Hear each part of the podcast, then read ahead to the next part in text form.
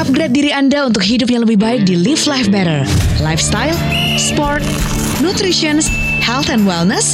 Live Life Better bersama Sarah Tobing dan Emilia Ahmadi.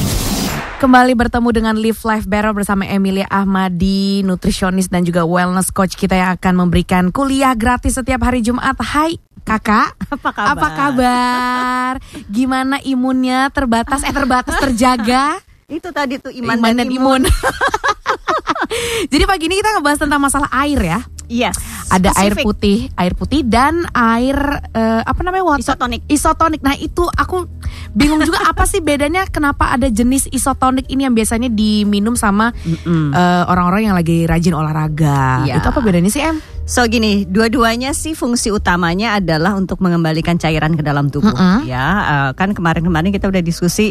Aduh, rehidrasi penting luar biasa nomor satu. Forget about everything else, tapi minum air dan lain sebagainya. So sekarang kita, eh, gue Heeh. mau menjelaskan sedikit lebih Oke. eh, bagaimana cara membedakan Mm-mm. air dengan isotonik. Kenapa gue minum air? Kenapa harus isotonik? Kapan? Nah. Eh, untuk siapa? Itu dia. Jadi lebih uh, lebih mengkerucut lah gitu istilahnya. Mm-hmm. Tapi at, uh, in the beginning uh, saya pengen pengen- jelasin dulu isotonik itu sebetulnya apa sih? Oke. Jadi gini, bagi teman-teman yang sudah pernah uh, mengkonsumsi isotonik, pasti pertama sensasinya adalah kok asin ya? Oh itu ada penjelasannya. Aku kira emang emang begitu dari sananya. Well, gini ada alasan kenapa rasanya sedikit asin. Oke. Jadi gini, isotonik itu cairan yang uh, didesain atau diformulasi untuk memiliki konsentrasi yang sama seperti darah.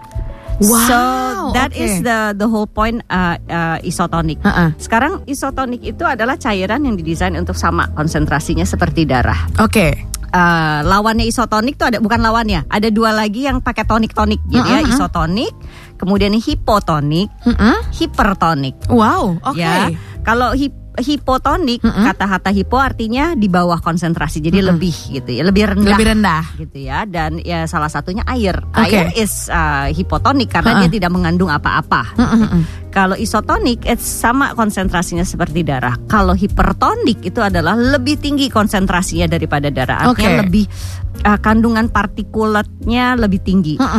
Um, contoh hi- hipertonik adalah energy drink.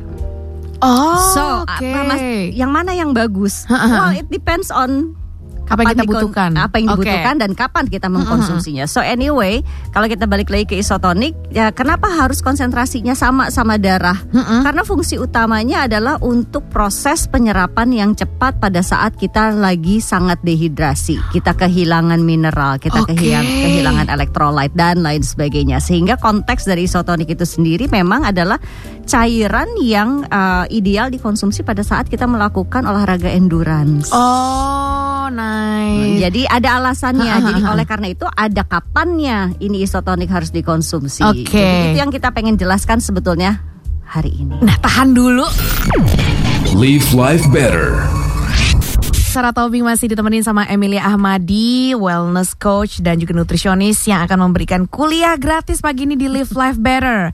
Tadi kita sudah membahas sedikit tentang isotonik, hypertonik dan hipo. Hipotonik. Pokoknya hari ini kita akan membahas masalah perbecekan yang ada di dalam badan kita kan, Yes. biar lebih kayak dehi eh eh, hydrated gitu kan, Yes. mantap. Jadi bedanya apa tuh Em? Jadi gini, kan pertama-tama kita tahu deh air itu pentingnya luar biasa untuk tubuh kita. 70% tubuh kita plus minus uh, on average adalah air. Oke. Uh, otot kita terbuat dari air, otak kita terbuat dari air, darah kita terbuat dari air. So yes, rehidrasi itu uh, a key of survival. Oke. Uh, nah, sekarang kan ada tadi ada hipotonik, ada isotonik, ada hipertonik. Mana yang lebih bagus nih? Pertanyaannya selalu seperti itu. Jawabannya nggak ada yang bagus, nggak ada yang jelek. Adanya adalah positioningnya di mana, dikonsumsinya kapan, untuk Oke. apa. Mm-mm. Jadi pertama gini deh, yang hipotonik dulu deh. Air salah satunya. Kenapa? Karena hipotonik itu istilahnya adalah konsentrasi yang lebih rendah daripada darah. Jadi kandungan solidnya lebih sedikit, which is air. Air itu Oke. air kalau kita minum air di dalam air secara natural pasti ada ada sedikit mineral, ada sedikit elektrolit. Oke. Tapi minimum sekali jumlahnya. Nah, Ini bagus atau tidak? Kalau untuk dikonsumsi setiap hari dalam kondisi normal, air is air, yes of course gitu. Kan kita udah udah bicara cukup banyak dan berulang-ulang berapa banyak sih gue harus minum yang Hmm, dulu yang ya, kemarin yang rumusnya. rumusnya. Nah, itu adalah uh, fungsinya. Uh, so anytime uh, dalam kondisi apa pun, kapan Anda haus, minumlah air. Oke. Nah, itu adalah hipotonik. Nah, sekarang isotonik itu apa? Naik sedikit nih konsentrasinya sama seperti darah. Mengandung apa? Ada air obviously, kemudian ada mineral. Mineralnya seperti apa? Ada garam, ada magnesium, ada garam itu dalam hal ini sodium ya. Ada sodium, ada potasium, ada magnesium, kemudian ada sedikit gula di dalamnya. Oh, Oke, oke. uh, ke- kemudian ada apa lagi? Ada uh, in, in some of the products ada flavor uh, agent lah gitu ya. Strawberry, jeruk. Strawberry, jeruk dan lain sebagainya, which is okay gitu.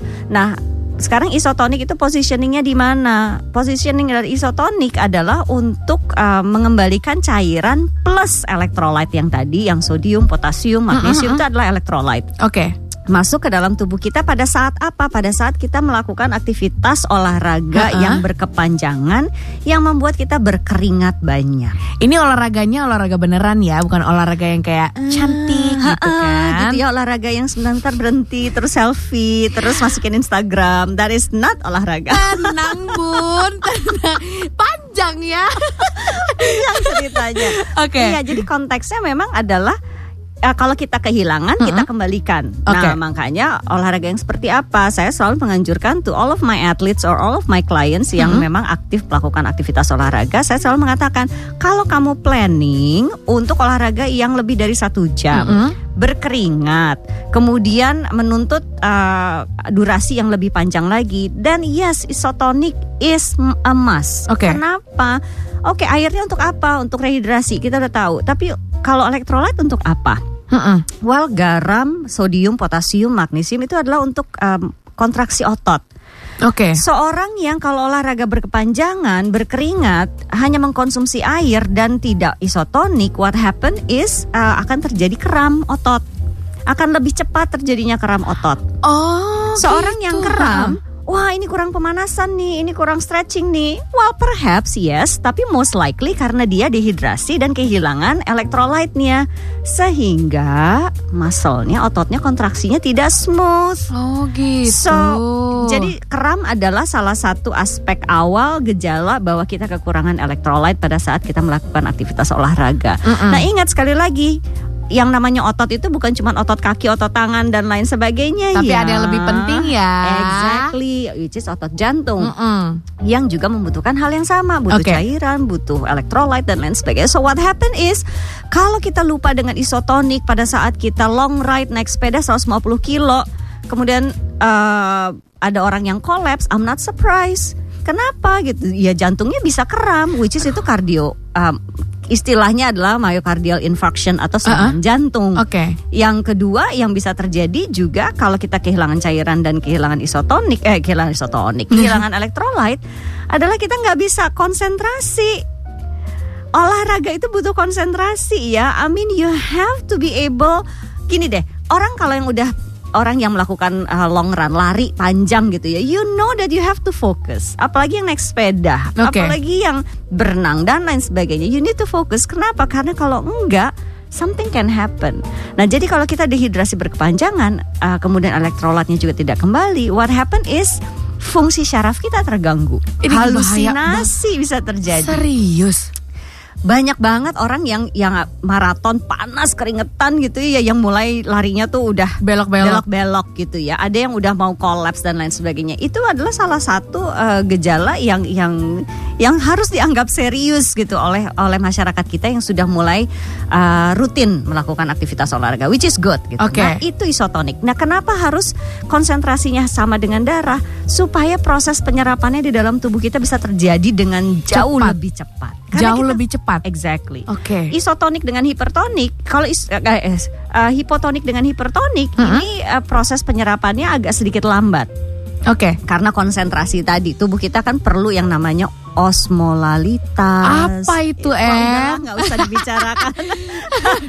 Tapi poinnya adalah tubuh kita itu kayak kantong yang uh, chemical bag yang dia proses penyerapan itu ya tergantung dari konsentrasi. Oke. So kalau kita lagi uh, lari panjang naik sepeda lama berkeringat kehilangan electrolyte minumnya air, well It's good sih gitu ya, cuman akan lebih baik kalau isotonik. Kenapa? Karena proses penyerapannya akan terjadi dengan lebih cepat. Dan ingat, kalau isotonik uh, ionnya kan terganti. Kalau air kan Oh. kurang, tidak ada, hampir tidak ada gitu ya. Jadi ya tidak mereplace yang hilang. Oh, You see, gitu. so that's why positioningnya uh, si isotonik. Nah, uh, kalau kita bicara mengenai hipertonik, uh, hipertonik itu sangat jarang dianjurkan untuk dikonsumsi. Hipertonik itu maksud maksudnya apa sih? Contohnya apa? Any drinks yang very sweet, it's hypertonic. Energy drink berarti kan Yang eh, kalau iklan di TV-TV tuh pasti cowok keker keringetan Terus ngegoyang gelasnya tuh sampai tumpah gitu. well, nah itu ada ada positioningnya sendiri Oke, sih, oke, tapi oke, oke. not at this point. Nice Kita habis ini akan membahas tentang si hipertonik itu ya Sedikit mengenai hipertonik. Nah jadi untuk anda yang suka minum energy drink pas lagi lembur Coba tolong minggir dulu jangan nyetir Kita dengerin Emily Habisa satu ini ya Live life better. Sarah Tobing masih di Smooth Sunshine pagi ini kita lagi ada di Live Life Better membahas tentang masalah perairan. perairan dalam tubuh kita. Tadi Emily eh, sudah menjelaskan perbedaan antara isotonik dan hipotonik ya. Kalau isotonik adalah minuman-minuman yang mengandung elektrolit, magnesium dan segala macam apa tadi Em? Aku lupa ada lagi. potasium, Potasium. ada sodium, sedikit gula. Nah itu dia yang suka kita lihat di berbagai macam swalayan Itu katanya konsentrasinya seperti darah ya Yap. Dan bedanya dengan hipotonik adalah eh, konsentrasinya lebih rendah Hipotonik adalah air Bukan Salah begitu satu Ibu Guru? contohnya. Yes. Gitu, Tadi kita sudah betul ngebahas sekali. sedikit tentang mereka berdua Nah satu lagi ada temennya nih Yaitu hypertonik Yes. Apa itu hypertonik eh? Well, dari kata-katanya hyper aja berarti Mm-hmm. lebih ya. Uh, so konsentrasinya lebih tinggi dari darah. Oke. Nah, um, apakah perlu dikonsumsi atau tidak? Well, just keep in mind uh, kalau yang namanya hipertonik, uh, almost always kandungan gulanya lebih tinggi. Oke ya jadi dan memang uh, peruntukannya di situ jadi kalau kita sebut dengan hipertonik uh, hipertonik salah satu contohnya adalah energy drink. Uh, namanya aja energi artinya adalah minuman yang meningkatkan uh, supply energi Oke. untuk whatever it is. Mm-mm, gitu. Nah biasanya energi yang paling gampang dan bisa larut dalam air adalah bentuk gula, glukosa. Oke Ya. So uh, at the end of the day perlu nggak boleh nggak gue minum uh, energy drink? Boleh-boleh aja. Tapi posisinya di mana? Definitely ini bukan minuman yang ideal. Wah kan energi gue lagi lari nih kehilangan gue butuh energi. gue minum uh, energy drink deh terus gue lari lagi. Well that's not a good idea. Kenapa? Karena pada saat itu perut kita lagi tidak gampang menyerap. Dan Oke. kalau kita berikan sesuatu yang konsentrasinya lebih tinggi dari darah dengan kandungan gula yang tinggi, a- akan ada delay absorption. Jadi airnya sendiri akan lama untuk diserap oleh tubuh kita. Artinya dehidrasinya akan terus berlanjut. Or even ini yang membuatnya menjadi lebih parah. Dia akan mengambil air dari sistem tubuh kita untuk kemudian menetralisir lagi. Oh so at the end of the day kita lebih dehidrasi. Bumerang ya? Exactly. Oke. Jadi be very careful kalau kita masih dalam uh, konteks melakukan aktivitas olahraganya. Energy drink that's not where it is. Ada satu energy drink memang yang didesain khusus. Well, it's a different story. Uh, energy drink yang memang fokus dengan memberikan energi dan tidak mengandung stimulasi yang stimulan yang lain. So be very careful aja untuk mengkonsumsi apa dan kapannya. Oke Uh, you have to know your own body first gitu ya. Jangan sampai kita berpikir uh, terlalu simple. I- guess logikanya sih benar gitu ya. Well, gue lagi kehabisan energi nih. Tinggal masih ada 10 kilo, gue masih mesti lari. Dan minus well gue minum energy drink seperti ini. Hati-hati, tubuh kita mungkin tidak siap untuk menyerapnya pada saat itu. Nah, kalau tidak siap menyerap pada saat itu artinya it stays in your stomach. Kalau tet- tetap tinggal di dalam perut, ada dua kemungkinannya. Setelah itu Anda mual, again mual, muntah, it's a problem gitu Oke. ya. Atau ya itu dia menyerap air dari tubuh kita atau meminta ekstra air dari tubuh kita sehingga tubuh kita lebih dehidrasi. Mm, mm, mm, mm, mm. So when is the right time untuk gue mengkonsumsi energy drink? Oke. Well, at actually yang yang waktu yang could be the best place adalah pada saat kita selesai melakukan. Nah, energy drink ini pun harus uh, memiliki kandungan yang proper ya. Jenis karbohidratnya seperti apa? Harus mengandung sedikit serat, uh, harus kemudian mengandung protein. Kenapa? Karena konteksnya adalah recovery. Mm. Nah, recovery yes perlu perlu energi balik ke dalam tubuh kita. Jadi perlu dalam bentuk gula yes untuk kembali menjadi bentuk glikogen yang di storage nantinya di di muscle kita untuk uh, sesi berikutnya. Yang kedua membutuhkan sedikit protein di dalamnya. Kenapa? Kalau kita aktivitas kita olahraga latihan akan ada sel sel sel sel otot yang rusak. Oh, yang oke. di situlah tujuannya untuk mengkonsumsi protein yang mengandung protein untuk apa? Untuk memperbaiki otot kita kembali lagi ke siklus dari merusak memperbaiki, merusak memperbaiki. Pelajaran minggu lalu ya. Exactly. Jadi saya itu tidak against energy drink. Saya against energy drink yang dibuat dengan tidak proper. Artinya uh, ingredientsnya, konsentrasinya, komponennya menurut saya salah. Salah itu dalam arti penggunaan uh, bahan-bahan yang menstimulasi uh, tanda kutip uh, apa ya uh, stimulan uh, non natural yang ke- bisa backfire dengan uh, fungsi tubuh, bisa menaikkan tekanan darah dan lain sebagainya banyak banget deh konteksnya. Jadi energy drink yang didesain dengan proper, oke mengandung protein, mengandung asam amino yang dibutuhkan, BC, BCAA biasanya tuh populer banget tuh ya untuk orang-orang yang nge-gym. Oh ini ada BCAA-nya enggak? Oh, ini si terkenal BCAA. salah satu komponennya Oh, ya. oke, ha-ha. Ya mengandung BCAA enggak? Ya BCAA-nya kualitasnya seperti apa gitu ya. Protein yang dimasukkan asam aminonya apalagi gitu. Jadi nggak sembarangan protein drink, energy drink. Come on, you know. Makanya ada produk yang dihindari oleh atlet, ada produk yang dicari oleh atlet.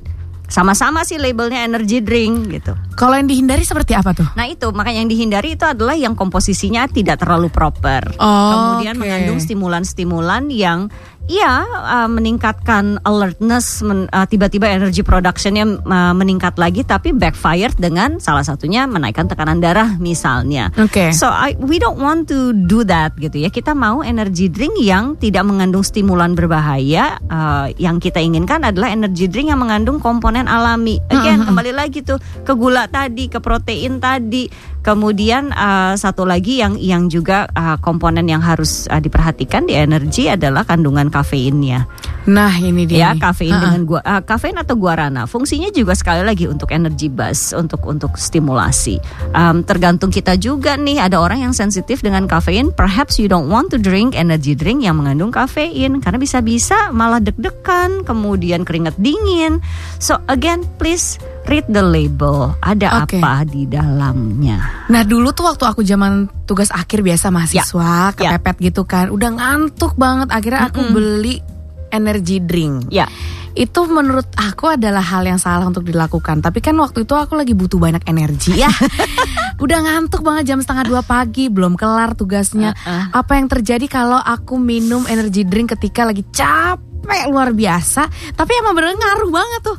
20 menit setelah itu efeknya langsung berasa wah melek lagi nih gue. Uh-uh. Gitu. Well gini, um, penggunaannya kalau tidak kalau kepepet gitu ya, I guess gue tutup mata deh gitu ya. Uh, bener-bener gak tahu deh.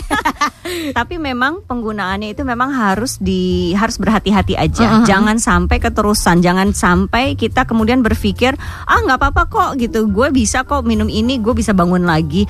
If you keep doing that over and over eh, dengan durasi waktu yang jangka waktu yang panjang, what happen is again negative impactnya akan terakumulasi di dalam tubuh kita. Oke. So you don't want that. Tapi kalau misalnya ini bener-bener eh, darurat banget nih gitu ya, I know I make a mistake, gue nggak nggak cukup tidur, gue makannya jelek, oh whatever it is, gue apa menunda sampai menit terakhir. Itu mahasiswa banget lah Itu pokoknya. mahasiswa banget deh gitu. I've been there before gitu ya. Ya udah gitu. Tapi dengan berpikir Oke, gue cuma melakukan saat ini. Gue tahu ini nggak terlalu bagus untuk tubuh gue. Ini nggak terlalu bagus untuk fungsi syaraf gue, untuk tekanan darah gue. But gue kepepet. And I promise I'm not going going to do this often. I guess oke lah. Ya udahlah. Ya sudahlah gitu ya. Tapi ya itu.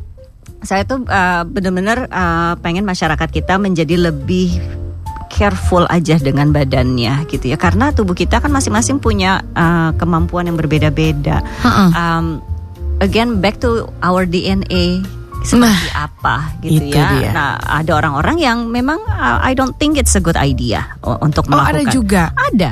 Karena ada orang-orang yang punya DNA misalnya salah satu titiknya adalah kafein misalnya gitu ya. Uh, bahwa ada ada kebutuhan ad- ada ada batasan maksimum nggak boleh lebih dari ini karena kalau lebih dari ini tekanan darah kamu naik. Nah, ini kan men-trigger masalah baru. Kalau Betul. tekanan darahnya naik terus terus terus terus kardiomegali, pembengkakan jantung, heart failure. Wah, Ah, you don't wanna go there. makanya mau bener-bener kita harus mengenal diri kita sendiri Correct. gitu kan supaya nggak salah. Nice. Live life better. Aku rangkum sedikit ya. Yes. Kalau isotonik berarti eh, minuman yang mengandung elektrolit, magnesium, potasium dan juga ada sedikit gula yang biasanya ada di supermarket, ya Yes. kan? Kalau hipotonik itu salah satu contohnya adalah Air. air. Kalau hipertonik ini minuman yang konsentrasinya lebih tinggi daripada Ya. darah Ya. dan banyak gulanya. Ya. Pinter nggak? Pinter banget. Aku mau nanya nih Bu Guru, Yes. untuk masalah minumnya kapan dan bagaimana cara minumnya gimana nih? Oke, jadi kembali ya, eh, saya harus tekankan Mm-mm. eh, mana yang lebih bagus, tidak ada yang lebih bagus, Oke. tergantung positioningnya. Mm-mm. So kalau hipotonik salah satunya air, kalau isotonik, kalau hipertonik salah satu contohnya adalah energy drink. Sebetulnya yang masuk ke dalam hipertonik tuh banyak loh, sirup Oke. juga hipertonik. Oh ya, Well, konsentrasinya kan lebih tinggi dari darah. Bener kandungan juga, gulanya, gulanya. tinggi. Oke. Kandungan gulanya tinggi. So any any ada drinks yang mengandung gula tinggi bisa masuk ke dalam kategori uh, Hipertonik. si hipertonik itu Oke. sendiri. Teh manis juga hipertonik by the way. oh ya. Well it is karena kan konsentrasi gulanya juga tinggi. Oh. So kembali ya, oke. jadi banyak banget ragamnya Ha, gitu ya. ha. Uh, not only what we call energy drink, tapi banyak gitu. Oke. Nah positioningnya seperti apa? Oke untuk sehari-hari kita gitu ya, ya seperti sehari-hari gitu. Hipotonik is good gitu. Minum Mm-mm. air oke, no no big deal. Memang itu yang harus kita lakukan dan itu yang tubuh kita butuhkan. Kenapa? Kalau sehari-hari uh, air uh, sudah cukup karena kita tidak kehilangan terlalu banyak mineral. Kita tidak terlalu banyak berkeringat. Oke, mungkin sebagian akan keluar dari air air kencing, kemudian kita tetap berkeringat dengan rate yang normal. Mm-mm. Kenapa kita nggak perlu minum isotonik pada saat itu air aja sudah cukup? Karena kan kita masih makan ya. Oh. Kan sebagian besar gitu. dari dari uh, apa uh, elektrolit itu sebetulnya sumbernya adalah dari makanan. Ha, ha, ha. Cuman pada saat kita lagi aktivitas lari atau uh, olahraga uh, latihan yang berat kan nggak bisa makan. Makanya kita replace dengan isotonik sekalian gitu. Cairannya masuk, uh, elektrolitnya masuk. Jadi dalam konteks aktivitas fisik sehari-hari air cukup. Oke. Oke, nah kemudian pada saat kita mela- melakukan aktivitas latihan, Mm-mm. then it's isotonic.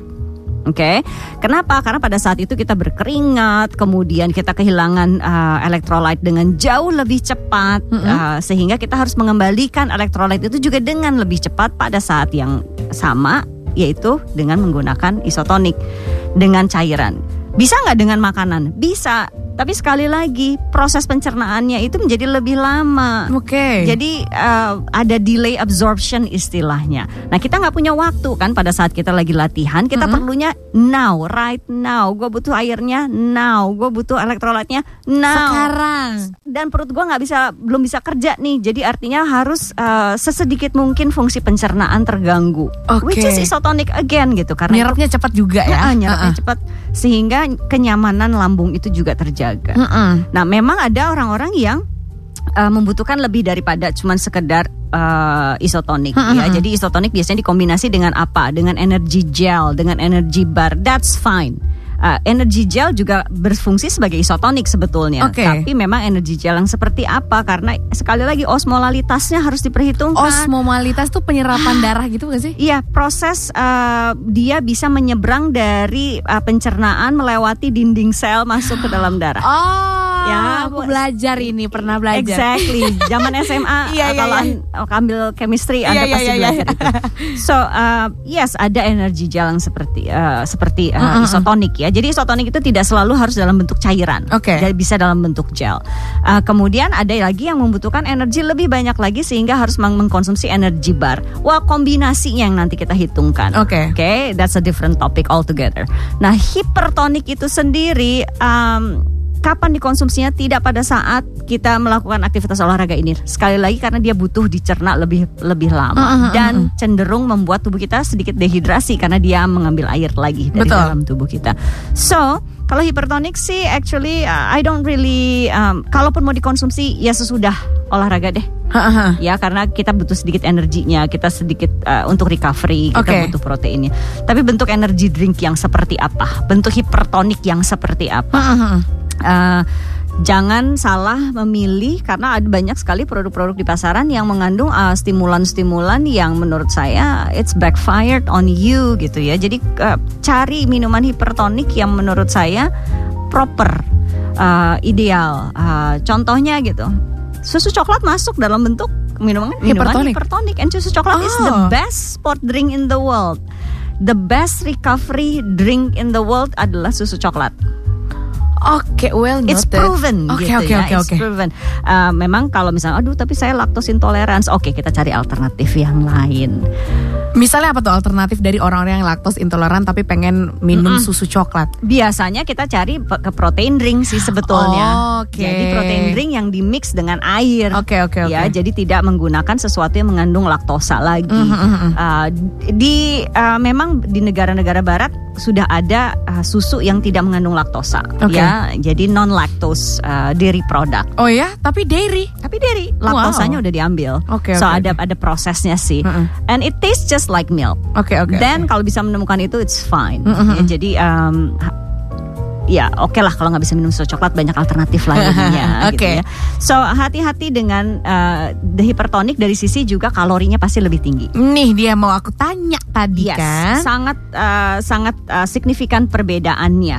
Nah kalau kalau air kan tidak ada tidak ada kalori. Oke. Kalau isotonik ada kalori tapi tidak terlalu banyak. Oke. And plus it's designed to be like that. Mm-mm. Kenapa? Sedikit glukosa juga penting untuk sedikit energi Mm-mm. buzz pada saat kita melakukan aktivitas olahraga. Nah, kalau hipertonik eh, relatif kandungan eh, gulanya jauh lebih tinggi. Mm-mm. Means at the end of the day kalorinya akan lebih tinggi dan Mm-mm. ini kita harus masukin ke dalam konteks total kalori yang gua konsumsi satu hari berapa banyak sih? Mm-mm. Karena kadang-kadang minum itu suka nggak dihitung gitu ya. Ah kan cuma minum kalau makan dihitungin kalorinya. Iya bener. kalau minum Enggak. ya Kayak karena nggak berasa, nggak dikunyah berasa, gitu. Exactly. Padahal itu kalorinya bisa ratusan. Hah? So be very careful. Yes. Oh my God. I know. No. so positioning is everything. Ah, ah, ah, ah. Oh jadi benar-benar harus diperhatikan kapan minumnya, bagaimana cara minumnya, Siapa kamu? siapa Untuk kita, apa? untuk apa. Tapi kalau misalnya Emily eh, lagi capek banget, Ah, terus kayak lembur nih, ah, ah. minumnya si hidro eh sorry hypertonik itu Uh, ya masuk dalam kategori hipertonik. Jadi kalau gue lagi capek banget, apa nih pilihan yang mungkin pilihannya ah, ah, ah. hanya dua, black coffee, Oke. oke, sama susu coklat. Standar banget deh. Oke, Or oke. kadang-kadang ada satu lagi sih. Oh. Tapi nggak bisa disebutin kan on air. Oke, aduh tidak terasa. Seperti biasa ya, tahu-tahu udah jam 9 aja. Terima kasih atas eh, dunia perairan yang baru saja Emily berikan kepada kita. Jadi Yes. ingat ya, untuk Anda yang di rumah kalau capek itu coba istirahat dulu, jangan minum yang aneh-aneh. Bener gak? Bener sekali. Istirahat dulu aja, jangan tiba-tiba pesan ini, pesan itu, tar makin capek gitu Eh, kan. makin gendut Makin gendut. dan gula Terima darahnya tinggi. Ya. Ada lagi kan nih? Udah. Ah, udah. Live your life better with Smooth FM.